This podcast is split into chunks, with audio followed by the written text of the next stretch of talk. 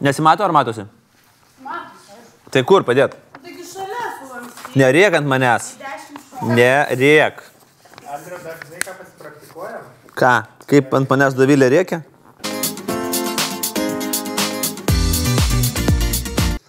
Labas bičiuliai, labas Laisvės televizijos žiūrovai, čia Tapinoido vlogas, vasara apie serialus, o kadangi man labai patinka ir atrodo, kad ir jums visai nieko, tai galbūt ir bus ne tik tai vasara. Šiandien dar du politiniai serialai, na, menka paslaptis, kad man politiniai serialai labai labai patinka, E, tačiau šį kartą ne amerikietiški bus serialai, o vienas britų, o kitas norvegų gamybos. Panašus ir tuo pačiu labai skirtingi. Britiškas McMafia ir e, norvegiškas Occupied. Pradėkime nuo Britų. McMafia kol kas vienas sezonas, aštuonios serijos, bus ir antrasis sezonas, pagaminta BBC pagal 2008 m. Mišos Glenny knygą, kurioje jis pasakoja, kaip subirėjus Sovietų sąjungai susiformavo visiškai naujos kartos mafijinė struktūra. Apie tai pasakoja ir pats serialas, kaip pabėgę rusų oligarchai ir jų šeimos nariai adaptuojasi Londone ir mėgina čia kurti savo naują gyvenimą. Protect your family. This is what you have to do.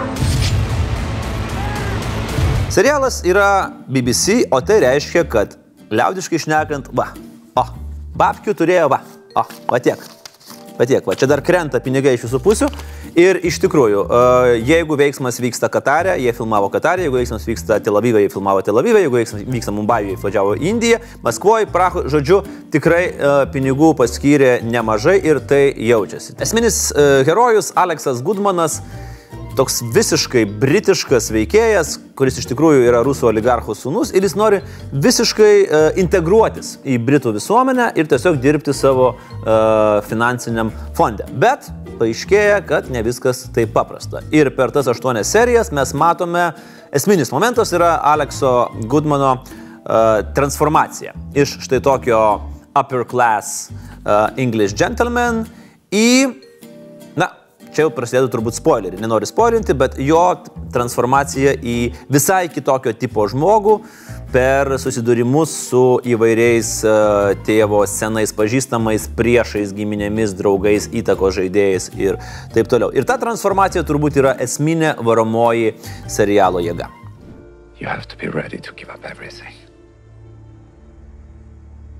I'm not. That's why I'm here.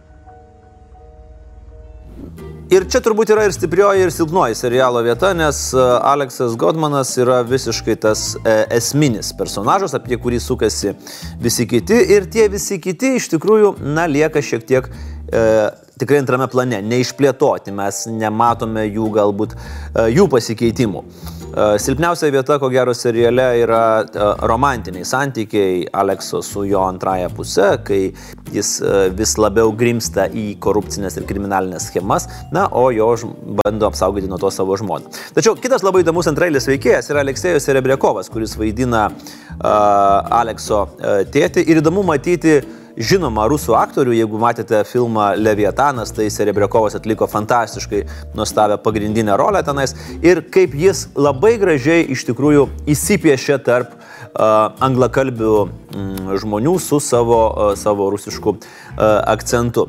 I don't understand. Что ты не понимаешь? Speak to me in English.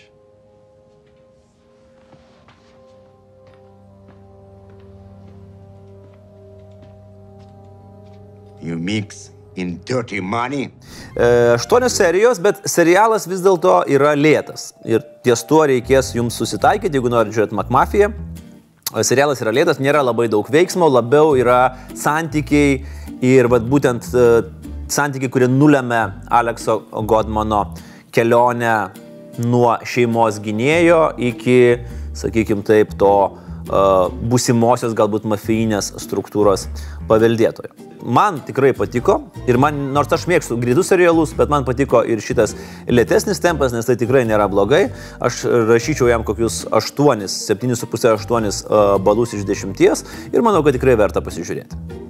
Dar vienas pastebėjimas, McMafia galite žiūrėti Amazon Prime platformoje. O dabar keliaujame į Norvegiją. Didžiausias ir brangiausias Norvegijos serialas Occupied, okupuota. E, Du sezonai, 10 ir 8 serijos ir trečiasis sezonas šiuo metu yra filmuojamas, na jau nufilmuotas, beje, jis yra filmuotas Vilniuje, taigi iš karto, o, iš karto pasidaro įdomu.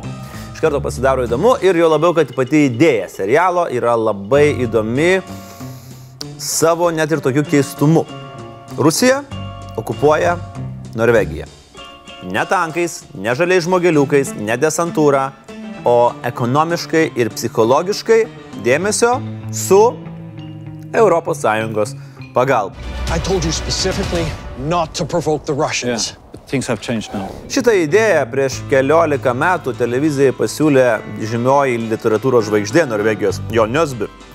Ir tada buvo manoma, kad, ai, nu, klausyk, bičiulit, nu, tai jau tiek nerealus scenarius, kad jis bus toks dirbtinis, kad čia nieko tikrai nesigaus ir niekas to nepatikės. O po to atėjo 2014 metai, Krymo okupacija ir staiga paaiškėjo, kad visos idėjos, kurios yra su Rusija susijusios su ekspansiniais Rusijos planais, yra realios, gyvos ir pakankamai tikros. Ir štai Norvegija atranda e, energijos, žalios energijos šaltinį, rinkimus laimi žaliųjų partija ir Norvegija pasako Europai, vo, nebus daugiau dujų, nebus daugiau naftos, visi varysim žaliai. What happens if we all stop using fossil fuel today? Ir ES sako, a, a, bičiuliai, no way Jose. Ir susitarė su Rusija, kuri palengva, palengva, gražiai, psichologiškai, tvarkingai, ekonomiškai okupuoja Norvegiją. Negadinsiu malonumo e, norintiems žiūrėti, aiškinamas, kaip tai įvyko ta okupacija, bet e, tikrai, patikėkit manim, žiūrėsit ir galvosit, kad taip tikrai gali būti ir Lietuvoje. Ir dar labai įdomus yra momentas stebėti, kaip į tai reaguoja pati norvegų tauta. E, Vieni prisitaiko ir pradeda kolaboruoti, kiti eina į visiškai kitą spektro pusę, pradeda kurti pasipriešinimo judėjimus ir kovoti teroro aktais, sprogdindami Rusijos e, visokias instaliacijas, naftos gamyklas ir, ir e, žudydami jų pareigūnus. Tačiau bendrai yra vis dėlto mintis, kad šalis realiai moraliai susitaiko ir vyksta tam tikra moralinė degradacija. Ir tai yra labai įdomu stebėti per keturis pagrindinius veikėjus, jų skirtingus bendravimo būdus. Tai yra štai dabar ir matome, štai premjeras Bergas, spets tarnybų agentas a, Dupvikas, a, restorano savininkė a, Bente, kuri ir yra ta kolaborantė, nes būtent jos restorane pamėgsta lan- lankytis Rusijos, a, Rusijos įvairūs pareigūnai. Ir kas mums tikrai yra įdomu, tai yra Rusijos ambasadorė Sidorova. Kodėl mums tai yra įdomu? Nes ją vaidina puikioji Ingeborga Dapkūnaitė ir vaidina tikrai puikiai. Sidorova yra vienas ryškiausių personažų. You're not going to tell me what to say to Norwegian people. You're not gonna risk peaceful collaboration. Ir kas yra įdomu, kad vis dėlto e, filmo kuriems pavyko išvengti tų klišių, kad visi rusai bus tokie plokšti blogiukai, o norvegai visi patriotai geriečiai. Tikrai taip nėra, yra daug labai skirtingų atspalvių ir dėl to yra mat, įdomu, labai įdomu matyti jų dinamiką. Kodėl e, tas serialas toks populiarus e, Norvegijoje, galima prisiminti antrojo pasaulinio karo metus, nes Norvegijoje su nacijais kolaboravęs Vitkūno Kvislingo režimas e, iki šiol yra prisiminamas kaip viena didžiausių Norvegijos gėdų, kurią, kurią sunku nusiplauti, o Kvislingas tapo bendrinių žodžių reiškinčių išdaviką. Vadinasi, šitas kolaboravimas šiuo atveju su rusais Norvegams yra, na, labai skausmingas dalykas. Pirmas sezonas yra labai stiprus, labai logiškas, labai suverštas.